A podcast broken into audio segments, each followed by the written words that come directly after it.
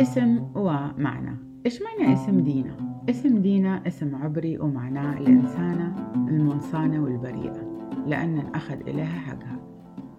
لأنها لما نقلت منطقة جديدة والمنطقة كان اسمها شكيم في واحد هناك قام اغتصبها وأخوتها أخذوا إليها بحقها.